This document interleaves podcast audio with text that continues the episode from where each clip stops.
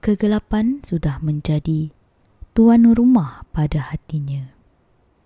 Jika dulu dia sekadar menyewa, bahkan pernah juga ditendang keluar kerana dikata perosak pada agama dan segala cahaya.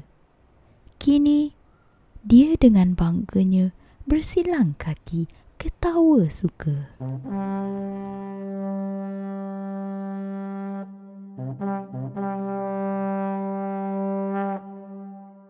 Bukan kerana orang yang membenarkannya masuk. Tidak, sama sekali tidak. Hadirnya dia menyebabkan silau matanya berkurangan. Dia juga mengajar betapa jerihnya jiwa jika siang terusan berpanjangan. Sedar-sedar, dia sudah keriangan bertakhta dalam kerajaan. Mahu diberontak, dia juga yang meneman kala dia galau. Bukan dia atau dia mahupun mereka. Mahu ditolak. Dia juga pernah memuja betapa indahnya dilimpahi kerlipan kegelapan. Ah, dia memang tahu mengguna peluang untuk merasuk segala rasa yang telah lama membeku. Dia petah berbicara kalau orang hilang tuju.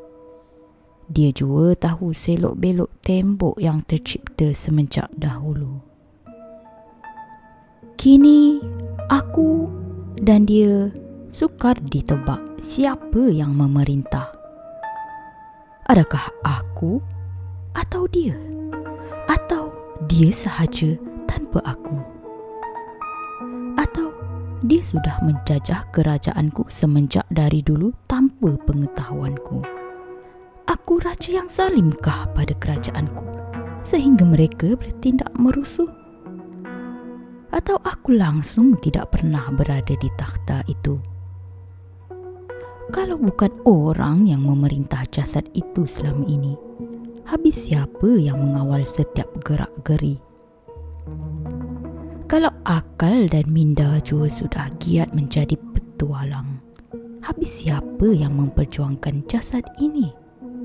Ego kah? Mustahil. Masakan hati yang berarak mempertahankan perjuangan kita semata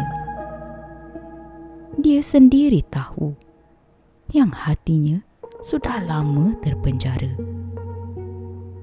Muskil sekali dia berjaya keluar dari tembok yang kian lama semakin tinggi ditambak. Atau selama ini jasadnya bergerak menurut perintah tanpa sebarang rakyat. Tiada hati, tiada akal maupun minda ego dan nafsu juga sudah lama menjadi rival. Iman? Di mana pergi iman? Nal. Selama ini, dia hidup dalam kondisi nal kah? Kenapa sekarang baru dia sedar? Kenapa sekarang baru dia mencari mereka? Kenapa sekarang? keliru. Jasadnya bukan lagi milik dia, tapi dia. Dia berlari mencari cahaya sehingga melanggar tembok yang tercipta dari cerminan kaca. Kepala diramas. Pedih seakan punya luka. Dilihat pada tangan hitam. Mana pergi merahnya darah? kepala dipegang bagai orang tidak punya akal. Dikeleng-keleng tiada percaya. Aku banduan di dalam kerajaanku kah? Mana mungkin? Tiada perkara muskil yang mustahil. Segalanya mungkin. Lihat sekarang, kau buta dalam cahaya apa yang kau lihat? Kegelapan. Kegelapan itu bukan aku yang cipta. Kau yang mereka. Aku. Aku sekadar menjelma sebagai si dagang. Bohong. Aku tidak pernah buta. Lebih-lebih lagi jika cahaya itu ada. Dia memandangku sinis.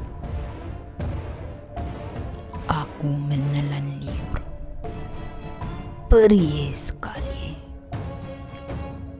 Aku tak pernah buta jika cahaya itu ada. Ulangnya aku tak pernah buta. Ah, kau tidak pernah punya cahaya. Itu jawapannya. Jerkahannya membuatku terpana. Aku aku tidak pernah punya cahaya. Mereka diam. Tiada lagi jerkahan, teriakan, lolongan maupun isakan tangis yang awalnya bingit menyeringai. Nal. Inikah rasanya bila ditipu diri? Inikah rasanya bila amal menjerut diri? Inikah rasanya